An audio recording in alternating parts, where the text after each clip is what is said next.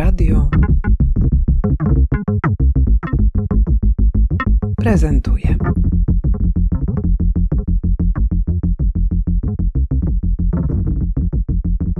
Karolina Śmigiel, współtwórczyni Stowarzyszenia Dziki Bez, organizatora festiwalu Myśli Abstrakcyjnej. Diana Galik, e, współtwórczyni Stowarzyszenia Dziki Bez i Festiwalu Myśli Abstrakcyjnej. Tegoroczna edycja festiwalu jest pod hasłem Jesteśmy zmęczeni. Wytłumaczcie, skąd ten tytuł? Bo jesteśmy e, zmęczeni, dlatego e, stwierdziliśmy, że podzielimy się, się tym hasłem. Robimy ten festiwal już po raz szósty, więc e, też sama organizacja tego wydarzenia jest w pewnym sensie męcząca. Z jednej strony bardzo nas wciąż ciekawi i sprawia nam radość, no ale jest też mnóstwo w, tym, w tej radości rzeczy, które nas, nas męczą. No i też w ogóle takiego uwikłania i sposobu, w którym pracujemy czyli takiego związanego z projektami, y, które dotyczą kultury czy działań społecznych. I po prostu te, te funkcjonowanie w tym systemie bywa męczące i mamy też takie poczucie, że to hasło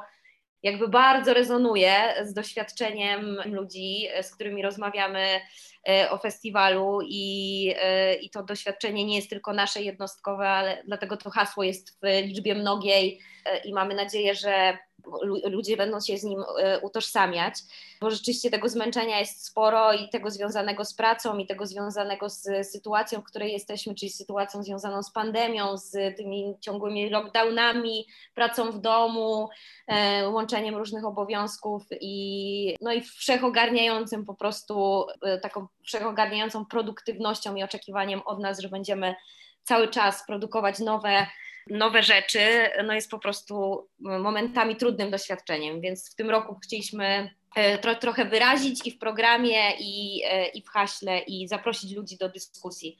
Dlaczego tak jest, jakie to jest, jaka to jest sytuacja i czy można coś z nią zrobić program będzie opowiadać o, o naszym uwikłaniu w pracę, e, w nadproduktywność, o której mówiła Karolina, ale też e, w obszar związany z nudą i taką nadzieją, że być może to jest e, remedium. I stwierdziliśmy trochę, że to hasło jesteśmy zmęczeni łączy te dwa i pracę, i nudę, te dwa tematy, które będziemy omawiać na festiwalu chciałam Was namówić na to, żebyśmy spojrzały na ten program, który bardzo zresztą bogaty, przygotowany przez Was. Z całą pewnością musieliście się jako zespół bardzo napracować.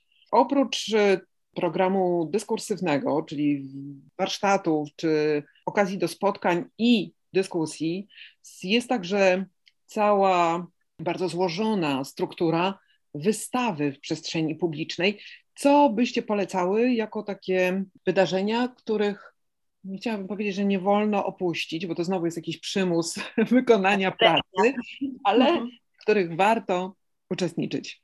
To może ja zacznę od tych rzeczy, które są na wystawie. To jest e, na pewno e, taka praca Ani Jankojć, która dotyczy niewidzialnej pracy kobiet i w ogóle takiej pracy opiekuńczej, którą kobiety wykonują, e, za którą nie dostają wynagrodzenia i bardzo często jest ona niedoceniana, niezauważana i w warsztacie warszawskim będziemy to wideo Ani wystawiać. U, u Was w Będz Zmianie w sklepie będzie możliwe zobaczenie takiego zina, który e, zrobiła Ania Hornik i Marta Przybyło. Zin, który pokazuje e, pokazywać powinien zdjęcia, które zostały wykonane, ale ich tak w zasadzie nie ma, e, bo dziewczyny odmówiły jakby tego, tej pracy ze względu właśnie na różne inne zobowiązania i ilość pracy, która, która w życiu codziennym je spotkała też w związku z lockdownem i z taką obietnicą, że w lockdownie mieliśmy tyle, mamy tyle wolnego czasu i że fajnie jest go wykorzystać w jakiś taki produktywny, kreatywny, kreatywny sposób i ten zin jest właśnie trochę odpowiedzią na taką złudną, e, złudną obietnicę. Z kolei w Pałacu Kultury, w barze studio będzie można doświadczyć jakby takiej pracy zwierząt, o której też często zapominamy, że zwierzęta dla nas wykonują pracę, z której często my czerpiemy zyski. No i skoro jesteśmy w Pałacu Kultury, to e, ten kawałek będzie dotyczył kotów, które tam, e, które w pałacu, które w pałacu pracują.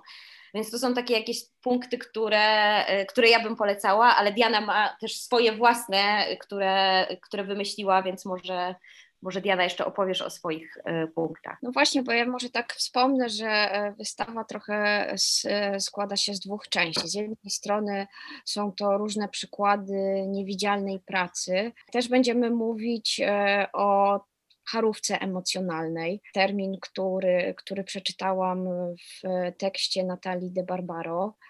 Ile, ile my wykonujemy, mm, oczywiście w w szczególności kobiety, ale pewnie też nie tylko, takiej pracy emocjonalnej, polegającej na pocieszaniu, tworzeniu dobrej atmosfery mm, dla wszystkich, e, dbaniu o samopoczucie innych, a, a zapominaniu też o swoim, więc to jest charówka emocjonalna.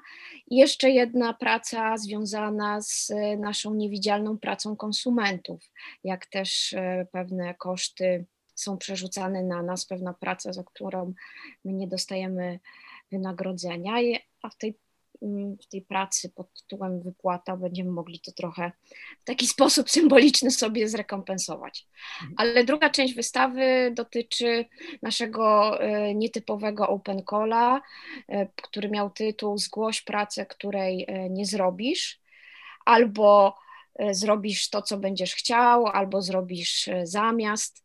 I właśnie prezentujemy mm, pracę e, pięciu osób, które, które zostały wybrane w taki spontaniczny sposób i byliśmy ciekawi, czy oni będą chcieli zrobić tą pracę, którą zgłosili, czy nie.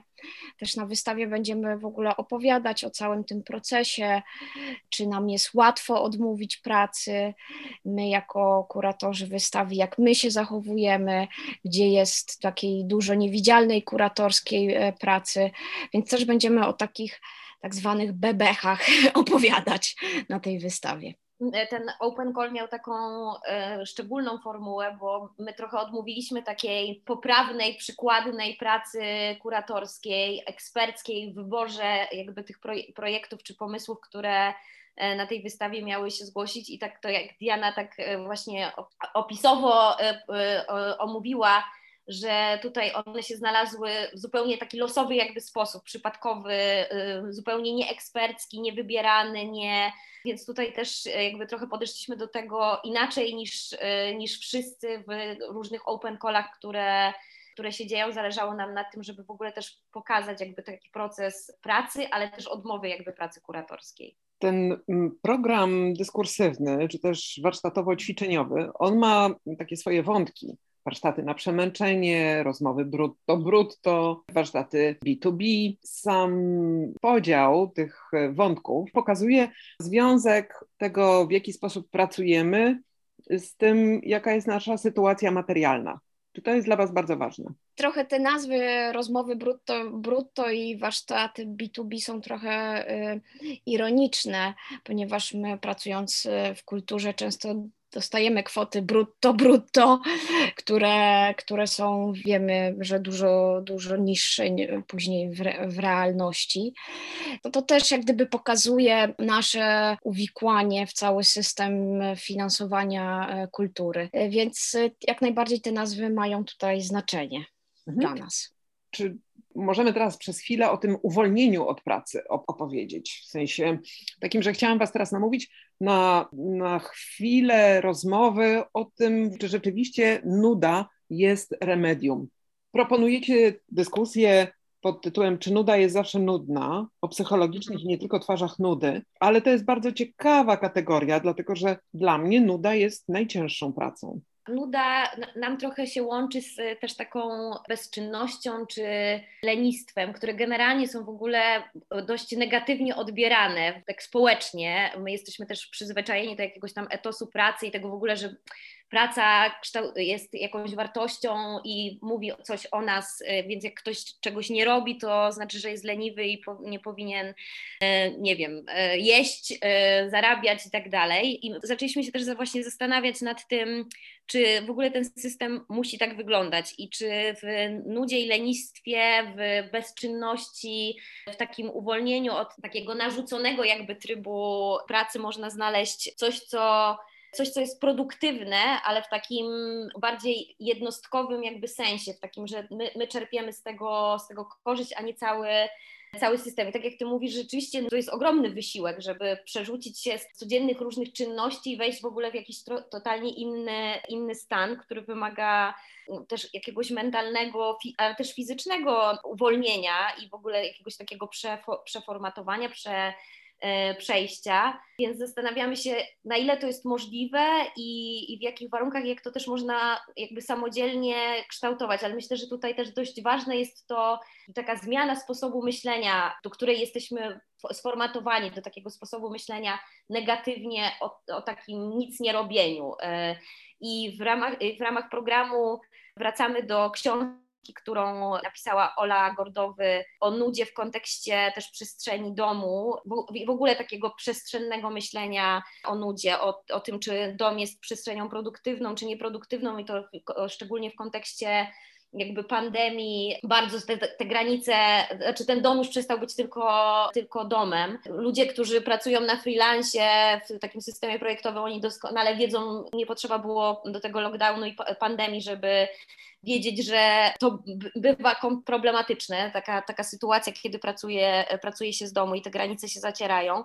I też Ola właśnie poprowadzi warsztat, w którym też będziemy zastanawiać się nad, czy przepracowywać taki cielesny aspekt nudy, który jest też bardzo jakby interesujący w kontekście przestrzeni. Ale jest też książka właśnie Michała Chruszczewskiego, który, która jakby jest analizą jakby nudy z bardzo różnych perspektyw, czy psychologicznej, czy, tak, czy filozoficznej, jakby nauk humanistycznych i takim kompleksowym spojrzeniem e, i próbą odpowiedzi na to, czy nuda jest zawsze nudna i w ogóle czym jest ten stan nudzenia się, więc, więc jakoś chcemy poeksperymentować trochę z innym niż taki pracowo-produktywny system, do którego jesteśmy przyzwyczajeni, dla, który jest naturalny, bo wypełnia naszą codzienność. To jest super ciekawe, bo y, każde wystąpienie przeciwko utartym schematom myślowym jest, może być bardzo produktywne, ale wiecie co? Tak mnie teraz zastanowiło, kiedy mówicie o tym wszystkim, że tytuł waszego festiwalu, Festiwal Myśli Abstrakcyjnej, w tym roku ewidentnie jest festiwalem myśli bardzo konkretnej. No tak, to jest, to jest takie zawsze trochę napięcie pomiędzy tą abstrakcyjnością i, i e, konkretnością, bo jednak e, pojęcia ab abstrakcyjne właśnie one e, są w jakiś sposób e, ogólne, wszyscy do nich się e, odnosimy i my też staramy się o tej ogólności, czyli na przykład o jakichś takich podstawowych terminach, czym jest praca, rozmawiać, ale właśnie te terminy, te pojęcia, one w zależności od e, czasów, które, w których żyjemy, się zmieniają. Więc jak gdyby ta, ta, ten kontekst i ta konkretność ma bardzo duży wpływ na, e, na te pojęcia abstrakcyjne, które nie są stałe. I tak ja, tak, ja przynajmniej to, to, to rozumiem. Więc te, te dwa światy, one się jak gdyby między sobą przenikają i wzajemnie na siebie wpływają. Tak, rzeczywiście ten, ta nasza jakby codzienność i to, czego doświadczamy jakby w codzienności jest jakimś punktem wyjścia, ale chcemy trochę od tego odskoczyć i ponieważ chcemy jakby szukać antidotum, to musimy się też zastanowić właśnie nad takimi abstrakcyjnymi terminami jak, jak praca, jak kapitalizm, jak pieniądz, bo to w zasadzie są pewne konstrukty myślowe, które można pomyśleć też trochę inaczej. Czy nuda właśnie, czy lenistwo i to są jakieś takie terminy, które mogą być terminami abstrakcyjnymi, jak je wyabstrahujemy jakby z codzienności, to możemy je trochę obejrzeć i spróbować może przeformatować i dzięki temu wpłynąć na tą naszą codzienność i może ją trochę, trochę zmienić. Więc tutaj ta korelacja pomiędzy tym, co jest konkretne, a tym, co jest abstrakcyjne, wydaje nam się jakaś taka produktywna, że tak odwołam się do tego, o czym będziemy, o, o czym będziemy mówić. To są wszystko kwestie, które rzeczywiście od czasu wybuchu pandemii wzmogły swoją obecność nie tyle w debacie publicznej, ile w bezsennych nocach i trudnych momentach właściwie każdej i każdego z nas. Powiedzcie proszę, jak można uczestniczyć w tym wszystkim, co przygotowałyście, przygotowaliście gdzie i kiedy? To, to jeszcze odwołam się do tego, do tej, tej bezsenności tego, o czym powiedziałaś i tego, co jest taką naszą, no, na, pewnie no, czymś, nad czym często się zastanawiamy. My też podczas festiwalu będziemy robić taki chór narzekania, e, żeby może się wspólnie spotkać i po prostu czasami w takiej charówce codziennej wydaje nam się, że jesteśmy, jesteśmy sami, a to jest właściwie doświadczenie mm, większej liczby osób i fajnie się czasem spotkać i po prostu wspólnie sobie ponarzekać i może coś z tego wspólnego oglądu tej, tej sytuacji może wyjść też konstruktywnego. A festiwal można odwiedzać od 15 do 21 listopada przede wszystkim na Jazdowie, a wystawę w różnych punktach śródmieścia wymieniłyśmy w trakcie tej rozmowy trzy, ale jest ich 11, więc specjalna mapa też e, będzie nam pomagać e, nawigować e, w tej przestrzeni. Więc na Jazdowie są wykłady, warsztaty, atrakcje, a wystawa jest w różnych punktach rozsiana po śródmieściu. I w poniedziałek 15 listopada zapraszamy na taki wspólny spacer po wystawie. Przejdziemy się i zakończymy ten spacer w barze studii. Trzymam kciuki i spodziewam się uczestniczyć, chociaż też chciałam powiedzieć, że spodziewam się ciekawych efektów, czegoś, co później mogłoby się stać e, katechizmem aktualnie zmęczonych, czy mm. jakieś pisanie manifestów albo porad wchodzi w grę w czasie tego festiwalu? Może uda nam się coś takiego zebrać, te wszystkie doświadczenia, które przyniosą też nasi uczestnicy, uczestniczki, więc bardzo dobry pomysł. Fajnie, bardzo Wam dziękuję za rozmowę. Pracowałyśmy no, dobrych kilkanaście minut, więc e, teraz musimy odpocząć. Dokładnie. Dobrze, do zobaczenia. Dzięki wielkie. Do zobaczenia, dzięki.